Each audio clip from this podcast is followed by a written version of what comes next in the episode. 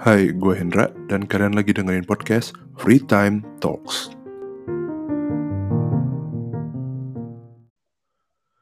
Oke, ya, yang kali ini kita ngobrol dengan siapa di sana? Halo, gue Wita. Nah, ini Wita, teman kantor gue juga. Uh, lu role-nya story writer ya? Gue story writer. Hmm, Oke, okay. Karena dia uh, kerjaannya adalah bikin cerita dan yang gue tahu sih si Wita ini punya banyak cerita horor sih setahu gue ya.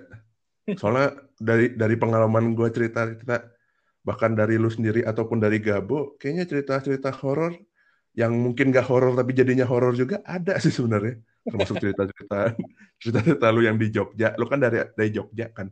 Ada, ada. Nah, jadi kita mungkin temanya kali ini lebih ke horor. Timpang. Episode sebelum-sebelumnya ngomongnya nggak jelas, tiba-tiba horor.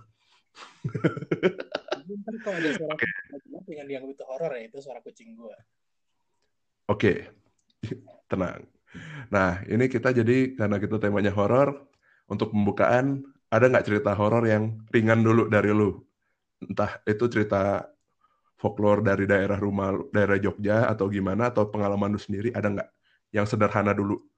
Horor sederhana gimana ya? Gue punya pengalaman heboh kayak gimana cuy sebenarnya sederhana. gue nggak pernah diteror sampai dua minggu dihantui terus itu nggak pernah cuy. Emang ada gitu yang diteror sampai dua minggu? Gue ceritain pengalaman gue pertama aja. Wah boleh. Jadi gue itu kan gue ceritain uh, secara geografis kampung gue dulu. Gue di Jogja kan masih tinggal di kampung gitu kan. Mm-hmm. Nah di kampung ini itu kalau mau masuk ke kampung itu opsi lu ada empat. Lu ngelewatin oh, sungai kampungnya belum ada, atau lu ngelewatin kuburan China, atau lu ngelewatin kuburan Jawa, atau lu ngelewatin hutan. Bentar, kok horor semua ya pilihannya ya? Itu kalau malam kayaknya bahaya semua deh. Lu kalau buka dari Google Map di atas tuh kampung gua kayak ada di tengah hutan gitu, cuy. Ijo, tengah-tengah ada coklat gitu ya, rumah atau atap rumah. Gitu lah. Udah ada internet masuk kok tahun ini. Wah, lumayan. Apa? Internet yang biasa. Apalagi ya. Yang masuk ke sana mah ya itu-itu lagi. nah, Jadi, terus coba lanjutin. Dulu kan waktu kita lulus SMA nunggu kuliah kan ada jeda lumayan lama tuh. Iya, ada kayak dua tiga bulan lah setidaknya. Bulan kan, itu uh -uh. kan kayak ya udah gue udah, udah lama pengen gondrong gue panjangin rambut tuh. Oke. Okay. Tapi waktu udah mau deket kuliah kan potong tuh. Mm. Nah, waktu mendekati itu malam-malam kan gue mau nyari roti bakar nih. Roti bakarnya ada di kota. Wah. Jadi sekitar jadi ada sekitar jam 8 malam gitu gue keluar naik motor gue gue lewatin jalan yang lewatin kuburan China wah opsi opsi dua nih terus di kuburan China itu itu jalan tahun 2009an gitu mm -hmm. belum lampu tuh di kanan kiri jalan. Jadi kalau lu iseng matiin lampu motor lu, lu gelap gulita udah kalau nggak papasan sama orang lain. Anjir, ngeri banget. Di situ gue motor gue tuh tiba-tiba pelan. Kayak udah gue gas tapi kayak gak ada nggak bertenaga gitu loh. Hmm, kebayang kebayang. Gue pernah tuh motor kayak gitu. Itu kan. Mm -hmm. Gak bisa terus ah ya udahlah. So gue mikir mungkin udah waktunya servis gitu. Oke. Okay sama orang kenapa orang kayak curi-curi pandang ke gua bentar ada orang papasan ada oh oke okay. itu jalan lumayan umum kok lumayan oke okay. itu gua lewat situ beberapa papasan orang-orang selalu kelihatan curi-curi pandang gitu kan Suatu, mm -hmm. Di belakang gua ada kayak mobil atau pickup gitu gue nggak tahu nyorot kan ke spion gue ngeliat ke spion, uh rambutku berkibar. Sebentar. Hmm. Tahu Rambut tahu bentar bentar rambut gue habis dipotong mau os Sebentar. Rambut siapa? Gue gas motor gak bisa gue rem juga nggak bisa Anjir gak bisa ngerem? nggak Terus lu gimana itu sampai, sampai akhirnya gimana itu? ya udah gue sih kayak ya gue nggak ngomong ya tapi dalam hati tetap aja kan ngumpat-ngumpat gitu shit shit shit, shit. itu gue baru mulai bisa bebas itu di Heeh. Di di, di ke- jadi di kampung gue untuk akhirnya bisa ketemu jalanan berpenghuni lagi itu setelah ngelewatin kuburan China-nya itu lumayan lah kayak sekitar lima menitan gitu Wajar 5 menit mah amat gila. ketika gue nyampe jembatan itu tiba-tiba motor gue kenceng boom Hmm. hmm, Udah nyampe dia tujuannya. kasih mang. Untung gak dikasih bintang 5 lu.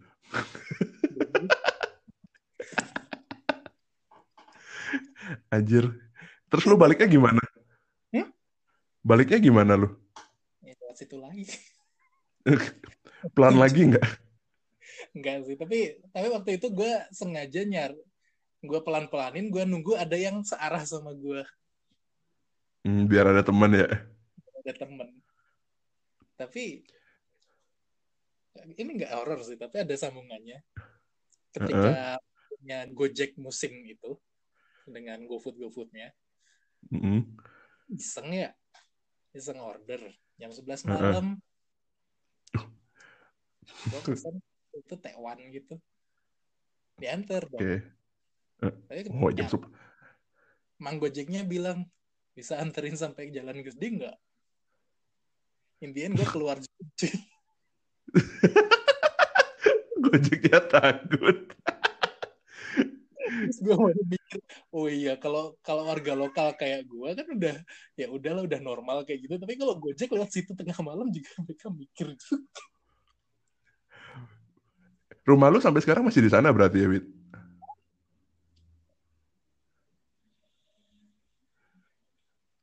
Gimana? Hmm?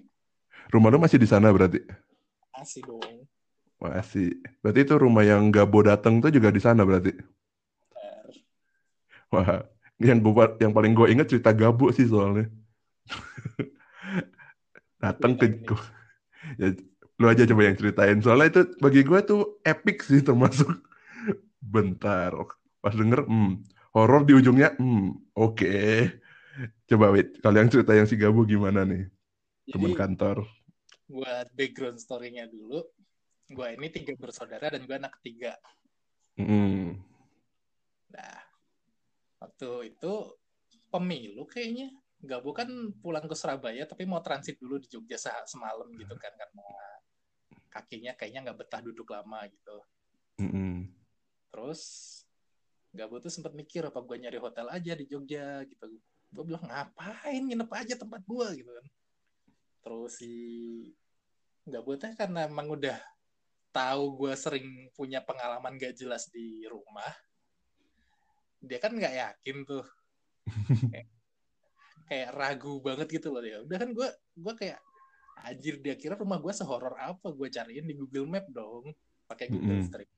Nih bu kampung gue tuh lo normal nih. Gue tunjukin kamu di Google Street dari dari jalan kampungnya itu kan. Emang lewatin jalan yang tadi gue ceritain juga. Uh, tapi tapi kan Google Street siang tuh nggak kelihatan serem kan. Hmm, nyampe depan jalan rumah gue kan gue nih rumah gue nggak serem. Tuh ada jalangkung di depan rumah. Apa gimana? Depan rumah gue ada jalangkung cuy. Di depan di dalam halaman gue bentar. ini apa? Gue sendiri kaget. Yang punya rumah juga takut kaget sendiri. Tapi singkat cerita gue gue lupa gimana akhirnya gak bos setuju kayaknya kayaknya dia juga mau ngirit juga kan. Mm-mm. Dia kan lumayan gitu karena kota wisata. Mm-mm. Sayang juga lah, cuman tidur doang terus pergi lagi kan. Ya kan cuma gua satu. so ikut ngobrol deh kamu tuh. Gila gue suaranya kayak anak kecil dong. Emang Ma, kayak manggil mama. Gua syok. Bentar kok ada anak kecil. nanti ya nggak ngobrol gitu ya. Gak usah banget. Mau. Wow. Gila. Ngobrolnya kayak gini. gue dengernya horor tadi.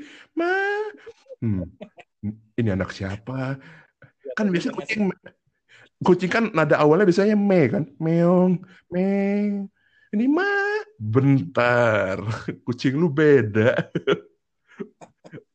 beda pattern.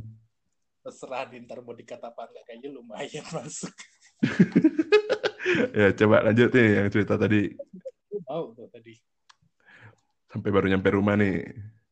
ke rumah itu jalanku gue lupa masih ada apa enggak tapi kayaknya nggak terlalu jadi fokus cerita Mm-mm. yang nyebelin adalah ketika gue kata kakak gue di kereta kan gue bilang gue pulang ngajak temen Mm-mm. ketika sampai rumah ini sad story-nya ya Ya nggak apa-apa, fullin aja ceritain aja. gue kecewa ketika yang nongol adalah Gabu kayaknya dia expect gue pulang bawa mana calon mantu gitu Padahal udah jelas ya ngomongnya di, buat temen. Hmm. Teman kenapa hidup. gitu karena kamar gue udah dirapiin kayak kamar hotel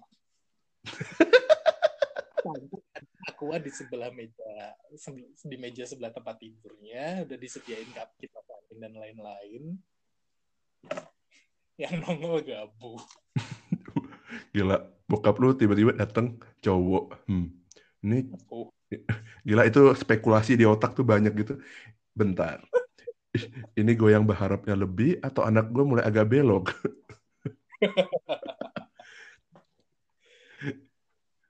Udah tuh. Si- Eh, Oke. Karena gue tuh emang masih tinggal di kampung kan. Jadi tradisinya kan ada tamu tuh semua orang harus nyapa gitu ya. Udah bokap gue nyapa, nyokap gue nyapa. Si Gabo sama gue kan kamarnya dipisahin tuh. Karena mungkin per mungkin yang itu kan. Yang datang. Cowok sama cowok dipisahin. Hmm, bukan muhrim. Sebentar. gue gue waktu itu tidur di kamar abang gue yang memang di Kalimantan gitu terus Mm. selama di ya udah kan gue unpack dulu di kamar gue Gabo juga gue biarin istirahat dulu ketika gue disuruh manggil Gabo buat makan gue masuk kamarnya Gabo gue Gabo udah pucat gitu. Pertanyaan pertama Gabo adalah Wit lu anak terakhir kan ya? Iya. Oh. Kenapa bu? gue tanya gitu.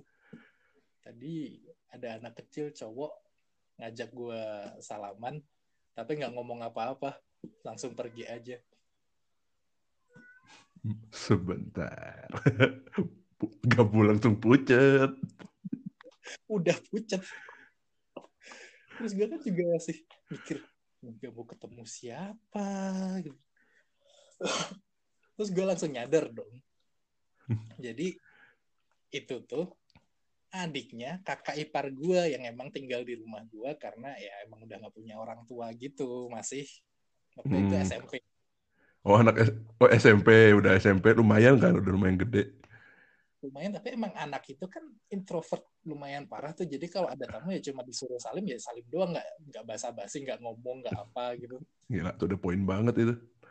jadi kayak Gabo tuh ngerasanya dingin gitu kan Gila Gabo Gabo double attack gitu. Ya cowok terus didiemin. Hmm sebentar. Gila itu kalau gue di posisi Gabo juga mungkin gue shock gitu. Itu ada anak siapa? Perasaan dia lebih kecil dari Wita.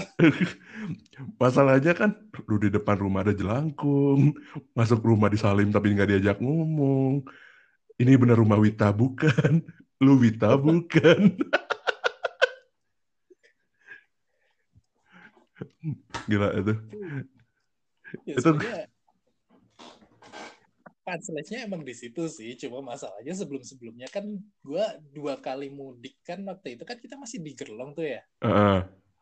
Gua ambil stasiunnya kan dari stasiun Bandung. Mm, Yang kalau kerja itu pasti jam 11, jam 12 gitu. mm. Karena gue ini kebiasaan kalau pulang langsung ngebobol pintu aja. Jadi gue nggak kabar-kabar ke orang tua, gue nggak mau ngerepotin kan. Heeh. Nah waktu itu gue nggak bisa ngebobol dong. Ternyata pintunya diganti kuncinya. ya udah waktu itu gue bermalam di luar.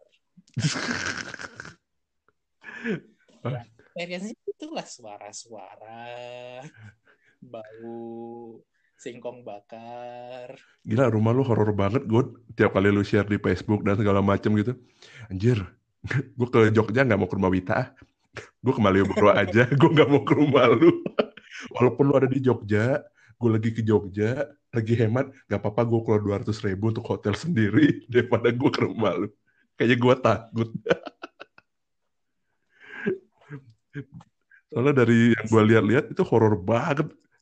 Ada pohon, pohon apa sih kemarin gue ke, ada lihat pohon juga kan, pohon-pohon gede gitu. Soalnya bak bokap gue kan suka taman tuh. Mm-mm. Jadi apa-apa ditanam lah sama dia. Pohon kamboja aja ada Nah itu yang bikin ngeri. di bonsai. Terus terus hantunya bonsai juga gitu kecil gitu di ujung. Kayaknya sih gede ya. Bahkan dari testimoni tetangga sih kayaknya gede. Tetap gede nggak ke bonsai isinya. Ah. cerita cerita yang gue tadi ini kita yang di rumah gue dulu ya baru ntar explore pengalaman gue yang di luar Oke satu-satu pokoknya. Pokoknya cerita horor lu banyak banget yang gue tahu. Jogja pak Hmm. jadi Eh. yang pengalaman pertama gue itu yang ketemu mbak-mbak itu yang ditebengin Hmm. ternyata ada sequelnya cuy Wah anjir. To be continue. beberapa tahun kemudian sih. Kayaknya baru sekitar 2012 2013 baru ketahuan gitu. Jadi daerah kampung gua itu walaupun kayak gitu itu kan kampung seniman tuh. Hmm. ya kalau udah bisa ngelewatin hutannya tuh lo bakal ketemu padepokan seni punyanya Butet. Siapa? Butet Kartarajasa itu ya. Butet Kartarajasa itu kan. atau ke desa wisata Gerabah. Kayak gitulah nah di padepokannya si Butet itu Hmm. sebulan sekali ada pertunjukan gratis tuh teater Itu itu ngelewatin rumah lu berarti. Lewatin rumah lu Enggak. emang daerah rumah lu aja tapi. nggak nggak nggak lewatin rumah gua lewatin hutan tapi deket Oh, oke. jadi kan show kayak gitu kan mulainya jam 8 malam gitu kan Hmm. gua kan sastra Indonesia nih jadi teman-teman yang suka pertunjukan kan banyak. Waktu itu berempat nih dua motor. Gua sebutin namanya aja lah. Yang depan tuh gua sama Tri cowok dua. Yang bonceng Oh, Nina oke. sama Juwita nah yang Nina ini bonceng gua nih. Nah kita nonton teater. Kelar kayaknya jam setengah sebelas malaman gitu kan. Anjir. Jam 10 jam 11 gitu tapi karena karena biasanya kalau teater kayak gitu kan habis selesai malah pada ngobrol-ngobrol dulu kan Hmm. nggak nonton bioskop langsung pada pulang Yoi. Yang ditonton orang soalnya. ya nah terus sudah udah jam segitu gerimis Waduh. gue mau nganterin itu anak-anak ke kosan mereka jarak ke rumah gue ke kosan tuh jarak rumah gue ke kampus UGM tuh kayaknya sekitar 10 sampai 14 km gitu gue lupa Anjir, jauh banget. ya emang Lalu dulu ngekos atau balik ke rumah tiap hari? balik ke rumah dong Anjir. Gila, jauh banget ya. Lu sama kayak dari sin dari kan dari Gede Bage ke itu dong berarti ke ITB. Gerlong Ya ke Gerlong, Gerlong ITB sama sih kurang lebih berapa belas kilo gitu. Itu Iya gempor sih. banget itu.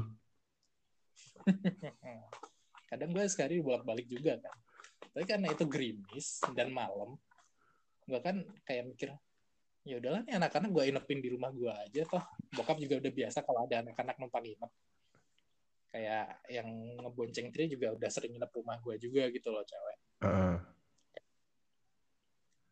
tapi si Nina ini kan baru pertama kali nongkrong bareng nih Heeh. Dia tuh nggak kerasan Oh, oke. di preman juga kan Heeh. boncengin kayak ya udah gue bilang ya udah kita tunggu hujannya reda dulu aja ntar kita anterin pulang sambil nunggu hujan reda di ruang tamu ada tiga kursi tuh dua kursi kecil individu sama yang kursi panjang bisa diisi tiga Heeh, oke, kebayang, kebayang. Gue sama Nina di kursi individu Tri sama Jui di kursi yang panjang Heeh. tapi mereka ambil pojokan semua mereka mau nyender semua kan Oke. yang tengah kosong tapi mereka ngerasa enggak Anjir. Orang rumah. Ngerasa enggaknya tuh kayak gimana? Bentar, gua gua gua walaupun ngerti mereka ngerasa yang mereka hmm, gimana ya? kayak, kayak lu nggak lihat tapi lu kadang lu ngerasa kayak Senggol gitu. ada eksistensi Oh, lu gitu kan ngerti ngerti, kebayang kebayang. ya kayak gitulah Anjir. terus Ngobrol nggak mereka? ngobrol dong mereka bilang kerasa gak Ju gitu si Tri tapi ah ya udahlah gue kayak masih waktu itu kan masih nggak ngerasa something special gitu loh gue pikir ya udahlah emang normal aja ada gangguan gitu. Lu udah bawaan dari lahir ya?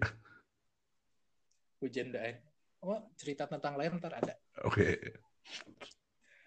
sebelum gue lahir sih lebih tepatnya wajar. Kembali ke 30 tahun yang lalu. udah udah udah apa namanya udah reda males-malesan dong gue sebenarnya nganterin 14 km kan Anjir, iya dah gila lu jauh banget itu. Lu 24 kilo ulak balik. kamar dulu ganti jaket lah atau gimana biar karena tadi basah juga kan terus di kamar tuh gue udah ngecium bau bangke tuh Waduh. cium bau bangke gue sampai ke garasi tuh bau bangke masih ada tuh Heeh. gue tuh mulai penasaran ini bau dari mana sih tapi ya udah lah bodoh gue keluarin motor gue boncengin Nina sepanjang jalan kita berdua diem Hmm. karena bau bangke juga ada di sepanjang jalan Hmm. Oke. apa di ada cicak atau apa gitu gue gue waktu itu kan belum sesering itu ngalamin hal mistis kan Mm-mm. jadi kayak ya udah gue masih rasional aja kayak jaket gue kali ya kan tadi ganti jaket itu Oke. ketika sampai kosannya udah malam kan gue gue malas mampir basa-basi juga gue langsung langsung nyanin gitu. Ya udah gue terus sampai rumah gue baru buka HP dong. Heeh. SMS waktu itu masih SMS kan. Kayak sekarang nih wait kucing kosan gue berisik terus biasanya nggak kayak gini. Gue gue udah "Ah, oke gue cerita ke bokap. Bokap gue kan sebenarnya juga gue nggak tahu dia tuh antara nggak percaya atau sebenarnya takut tapi pura-pura enggak jadi jadi lebih ke ya udah gitu kan. Udah gue tidur. Tapi hari berikutnya ada tamu di rumah. Jadi si tamu ini ternyata temannya bokap yang bisa lihat. Heeh. nah dia bilang mas dulu pernah diboncengin ya? Dulu udah lama kayaknya udah tahunan ikut masnya hmm?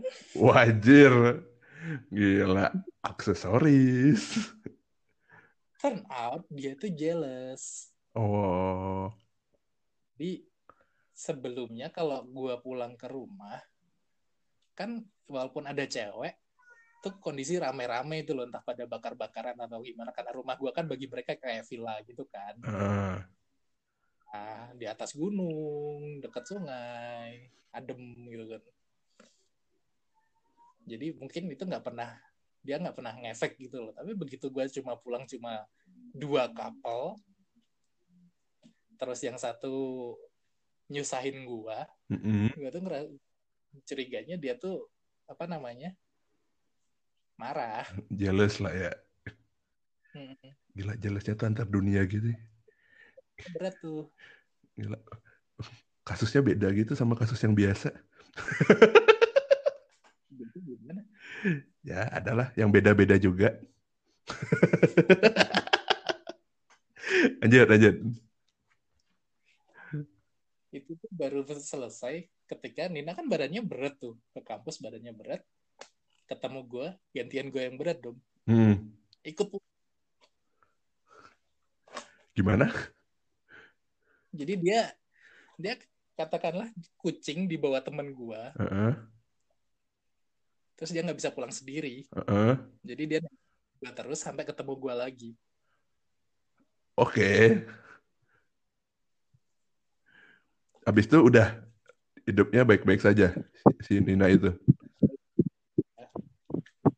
gue Eh. Zaman zaman kuliah kan emang agak halu juga tuh jadi kadang malah kalau lagi iseng gue ajak komunikasi satu arah gitu halo kamu di sini nggak Bentar, Wit.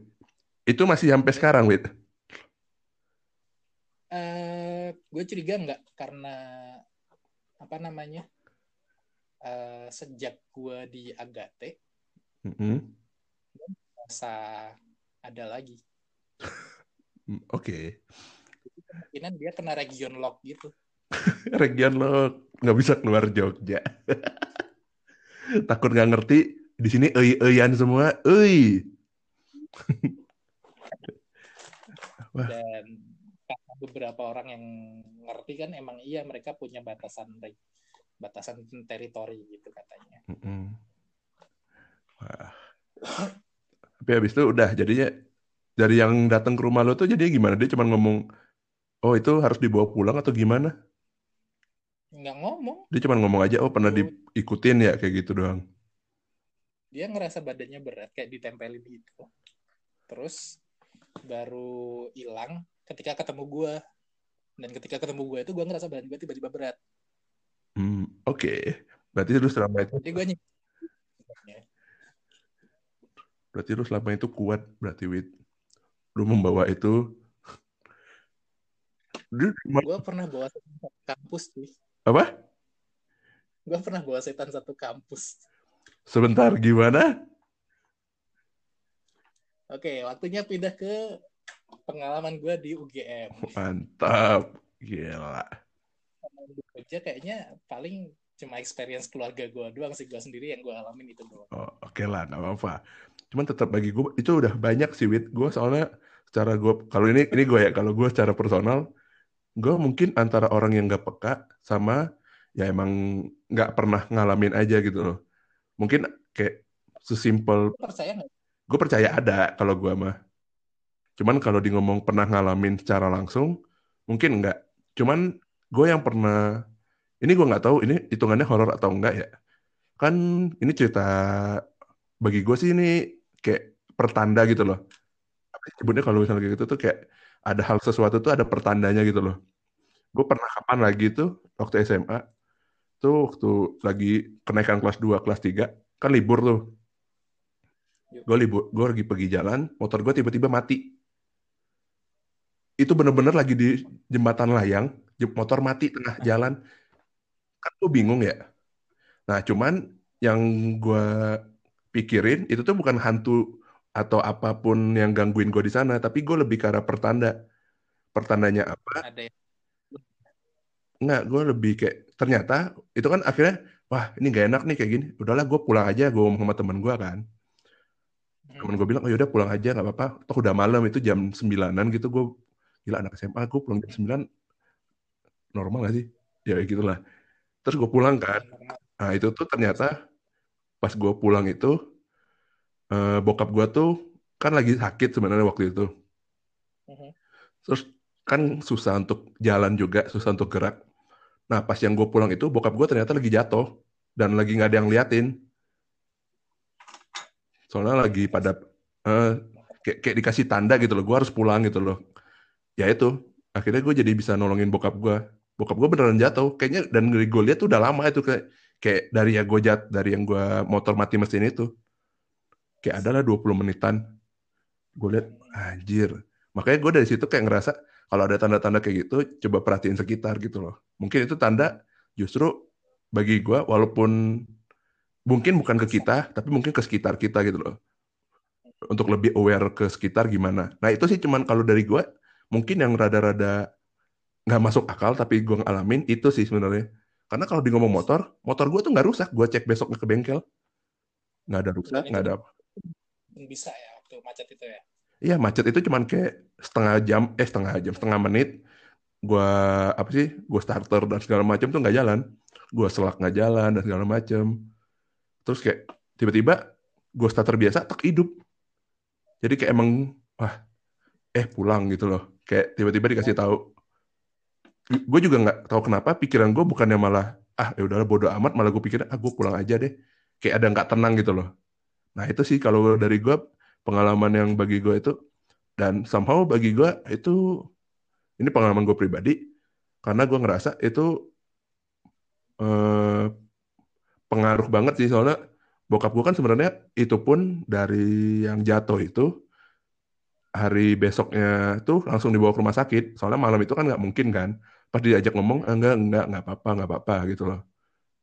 Habis itu besoknya dibawa rumah sakit lusanya ninggal jadi emang kalau misalnya itu ya bener bokap gue soalnya kena apa sih gagal jantung gitu nah itu jadi kayak pertanda bahwa ya udah lu deketin diri jangan pergi-pergi gue beneran dari situ gue nggak pergi-pergi walaupun ini mungkin nggak terlalu horor ya cuman pengalaman gue adalah gue gue percaya bahwa hal-hal mistis tuh ada ada yang baik juga gitu loh. Mungkin ngebantu kita, mungkin kita nggak sadar gitu loh. Ya saling gue ngerasanya ya saling ngehargain aja lah. Ya jangan ngeganggu dunia sana, ya dunia sana jangan ngeganggu kita kalau bisa gitu loh.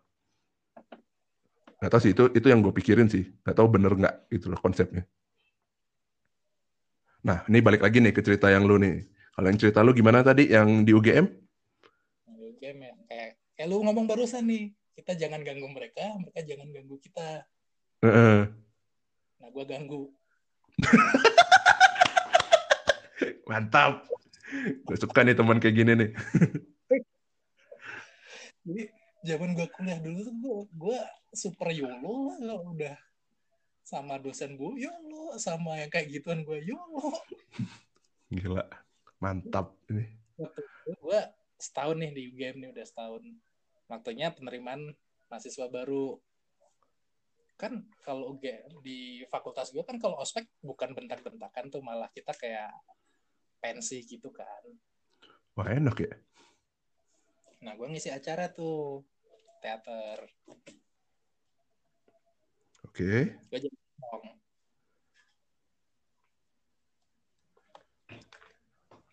Lalu? Gue jadi, lalu dengeran ya? Ya kedengeran kedengeran. Ya, gue jadi pocong nih. Wajir.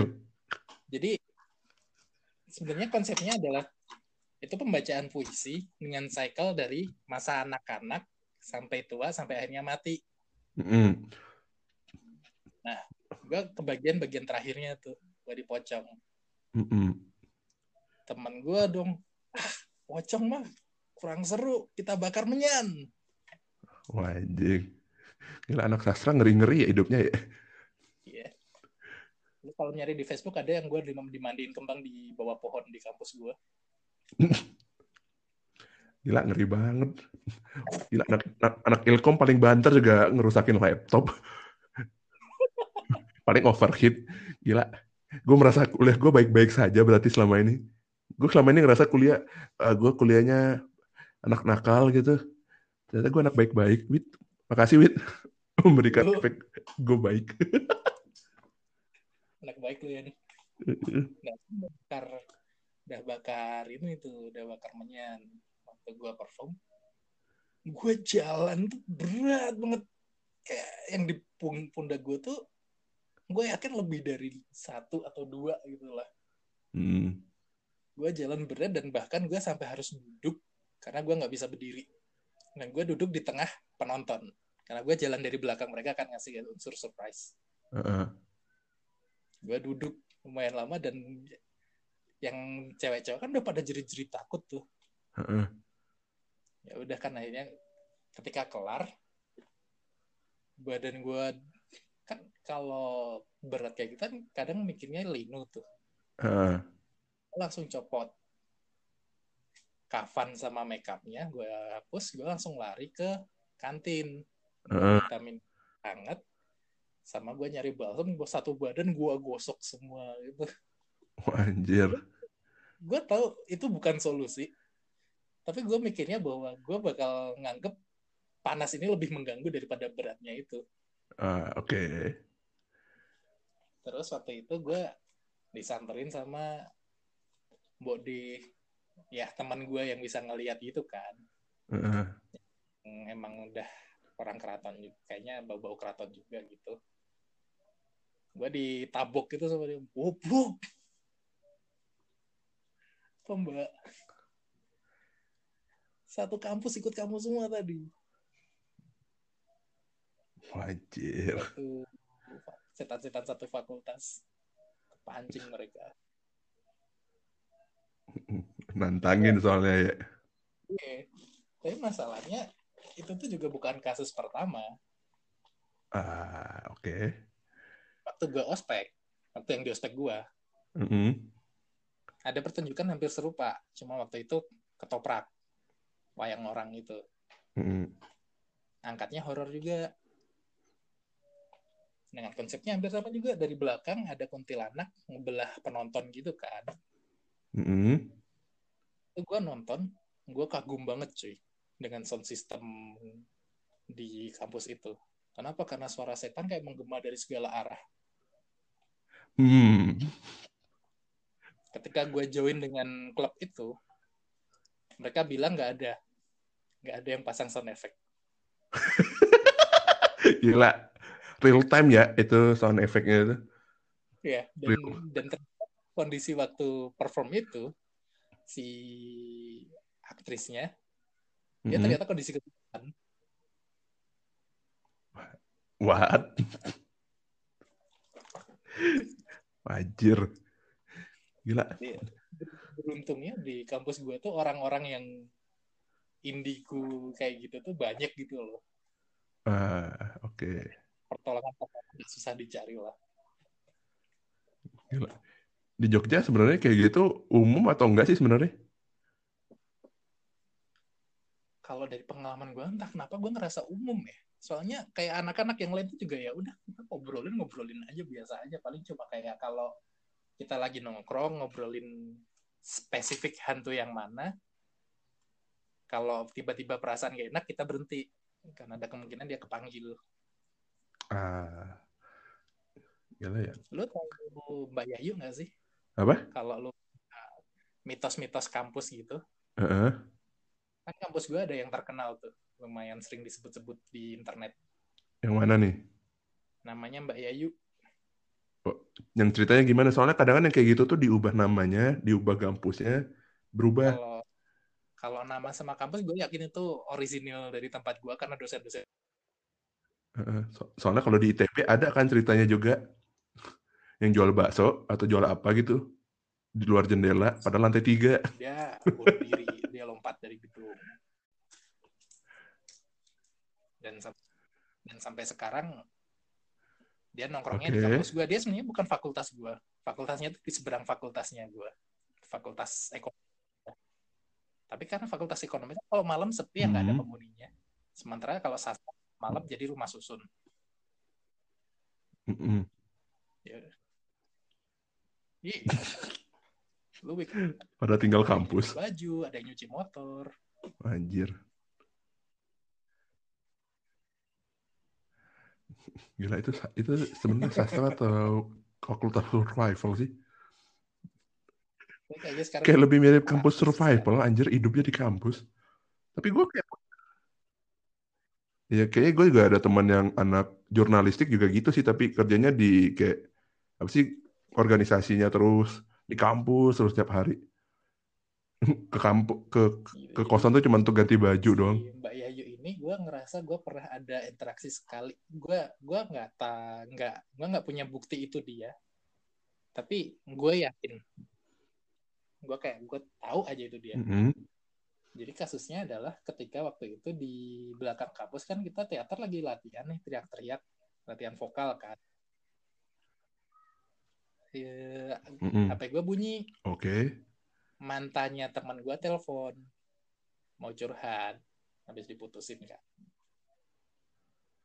ya udah gue menjauh dong dari tempat latihan vokal Oke. sambil dia nangis nangis gitu gue kan halo Mm-mm. apa nggak kedengeran karena kan yang latihan vokal kan kuping kanan nih Mm-mm. katakanlah itu ada yang mau bisikin gue lembut banget mas Heeh. gue langsung ya mbak maaf mbak langsung. Dia jangan teriak-teriak Anjir. gitu Untung nel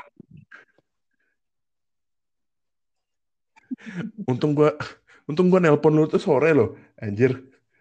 Lu kemarin lihat malam Jumat anjir. Gue masih diselamatkan cerita-cerita kayak gini untung sore. Gue dibanding takut ya gue lebih ke arah Parno sih kayak ginian. nggak serem sih gue ngerasa gue diingatkan Takut dengan kebayang gitu. romantis gitu. Dia bilang masnya tuh bukan kayak ngasih kesan horor tuh enggak tapi kayak lembut banget gitu loh. Mas. Itu kayak kalau lu punya istri mas mau dibikinin teh gitu nadanya tuh kayak gitu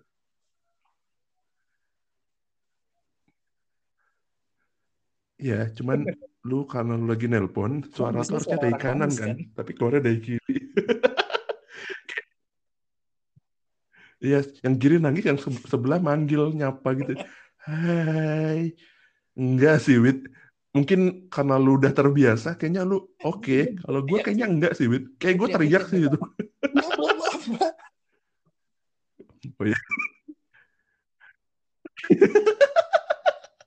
Gila, horor banget ya kayak gitu. Justru yang kayak Daripada yang- kecil-kecil kayak gini, malah lebih ngeri loh bagi gue. Dibanding yang kayak eh, yang jelas-jelasan gitu tuh malah ini yang kecil-kecil sepele kayak gini tuh malah kayak yang kita nggak pernah duga bakal terjadi ya kan justru hal horor yang kayak lu cerita tadi itu lebih ngeri sih sebenarnya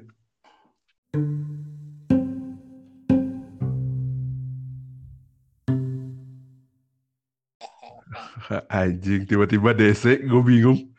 Baru ngomong eh, mm, mm, anjing DC yang lain hidup dong.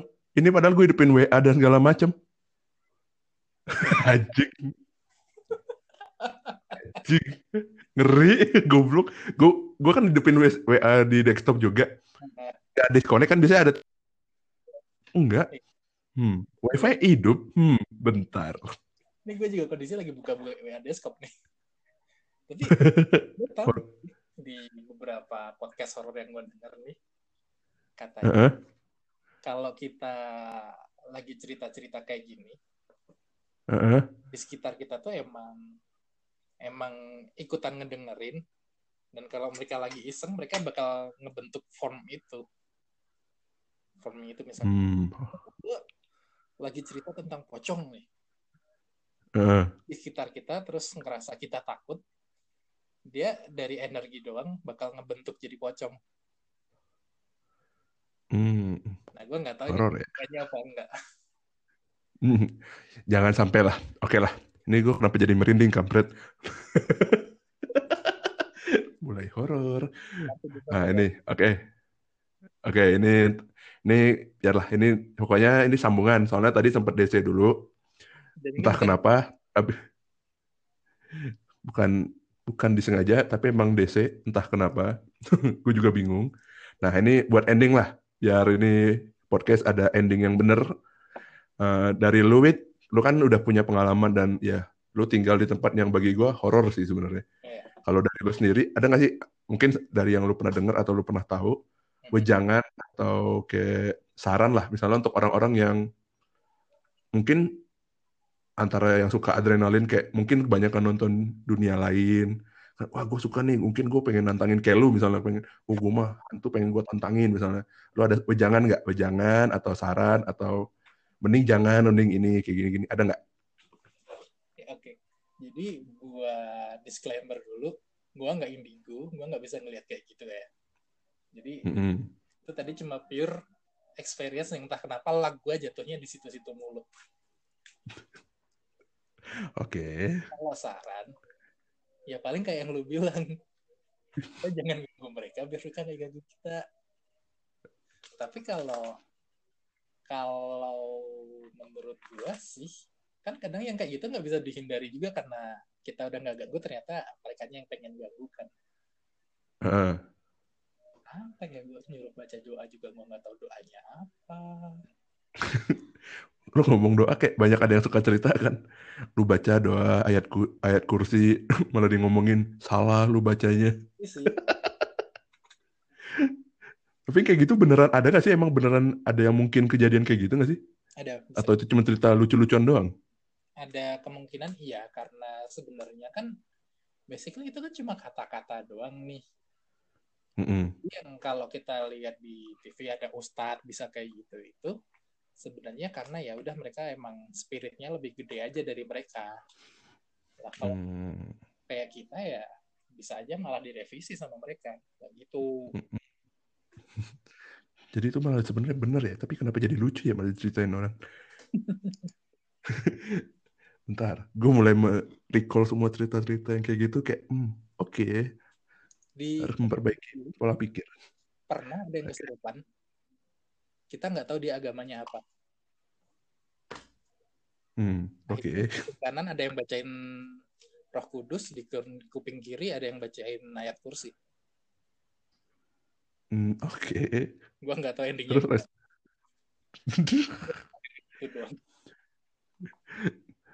gue pernah tuh ini ini cerita beneran ya. Uh-huh. Zaman dari temen gue nih soalnya beneran di lagi pramuka ini untuk penutup juga ada cerita ini itu kan saran udah. Ini cerita penutup akhir kalau dari gue gue ada cerita temen tuh lagi pramuka. Kan pramuka tuh kan ya kemah dan segala macam sekolah temen gue kan ada horor juga. Ya di kampung-kampung juga sebenarnya. Nah ada cerita. Pembinanya itu kan temen gue juga walaupun kakak kelas kan. Lagi lagi cemas. Dia masih sempat bercanda dong sama itu. Nomor berapa buat besok si anjing. Untung itu hantunya tuh nggak ngeganggu tambah jauh. Soalnya ada yang emang bisa nenangin kan ya kayak ustadz kayak gitu. Tapi kan sekolahnya sekolah Katolik. Jadi kayak ada guru agama yang bisa nenangin. Dia sambil megangin sambil nanya nomor nomor nomor nomor nomor. Si anjing. Masih berharap dapat sesuatu gitu. Jadi dia nolongin tuh pengen dapat sesuatu. Si kampret emang gitu anak. Tapi tapi nggak tapi nggak dikasih sih nomornya sayangnya. Ya kita nggak ngapa-ngapain. Dia mau ngapain ngasih kita gratisan iya benar juga. benar juga ya. Realistis ya. Nih gue gue tambahin dikit nih. Kan katanya okay. kalau bakar gagak itu di kuburan kita bisa mm -hmm. manggil manggil apa namanya manggil genderuwo buat kita mintain nomor kalau mereka jadi basically kita kayak jualan gitu loh hmm. kayak jualan terus kalau mereka mau sate kita ya mereka kasih nomor hmm. di daun atau di kertas gitu hmm. nah masalahnya mereka juga kalau bisa kan kalau bisa gratis ngapain gua bayar kan hmm. jadi challenge-nya adalah ketika kita bakar sate itu mereka bakal takut-takutin kita dulu kalau kita gabur kan dia mereka dapat sate gratis. Hmm. Bisa gitu ya. Gitu. Gila, ini sebenarnya kayak itu tuh cuman beda dunia, tapi perilakunya kayak mirip-mirip ya sebenarnya. Iya. Cuman cara hidupnya aja yang beda. Ya, soalnya yang kayak gini juga percaya nggak percaya kan. Kita nggak bisa ngomong, wah ini pasti benar, yang ini pasti salah ya kalau gue sih gue personal gue sih percaya percaya aja gitu loh. Ya kalau bisa enggak ya enggak. Nggak usah ngalamin kalau bisa. Ah oke okay lah. Ini ada lagi nggak wit tambahan wit apa ya? Kalau disuruh nginget-inget paling juga cuma yang keinget-inget cerita-cerita kacangan sih. nggak nggak apa-apa aja. Ya, kalau misalnya pengen dengar cerita yang lebih bagus harusnya ke podcast lu ntar. Lu kan ada bikin juga nih. Ntar mungkin dari cerita lu cerita lu yang lebih wah bisa di podcast lu aja daripada ntar podcast gue jadi cerita horor beneran bahaya. Ya. Ini salah satunya aja, jangan jangan keseringan. Mungkin mungkin ada lagi. gue kayak kepikiran kalau cerita kayak gini harusnya ngajak Apple. Apple banyak loh ceritanya juga. Gue pikir-pikir. Dulu katanya waktu kita ke Pulau Pari kan dia banyak cerita. Namanya, Wah gila itu. Horor tapi gue miss tuh karena gue udah pulang duluan. Iya itu ceritanya banyak banget sih Apple. Sampai jalan pulang itu dari masih di Pulau Pari jalan pulang Pulau Pari ceritain horror bus lah di horror horror bus. Di mana? Di bus. Anjir bisa nggak ceritanya jangan di bus gitu kalau ngomongin bus? Gue dibanding takut gue lebih parno itu tuh. Lu ngomongin sesuatu yang sedang kita lakukan gitu loh kayak kalau lu naik naik lift ada cerita iya dulu ada yang jatuh di lift ini bentar bisa nggak bisa nggak ceritanya tuh entar gitu kalau lu ceritanya entar mungkin gue nggak akan peduli sebenarnya gue gue kayaknya tapi kan episode itu Ntar, Apple kayaknya gue udah lagi ngelis nih. Apple mau gue ajak ngomong apa aja. Oke lah, ini jadi sampai sini dulu aja. Ini termasuk rekor gue karena akhirnya gue bisa bikin podcast di bawah satu jam. Karena sebelumnya di atas sejam semua, gila. Gue ini pengen ngecoba bikin yang di bawah satu jam, simple aja lah. Gila, di atas satu jam itu gue nge-review dengernya juga capek. Pas ada salah ini motongnya gimana gue juga bingung. Jadi ya udahlah. Oke okay, thank you Wit mungkin next gue bakal kontak-kontak lagi ya. Sip sip sampai jumpa thank you thank you Duh.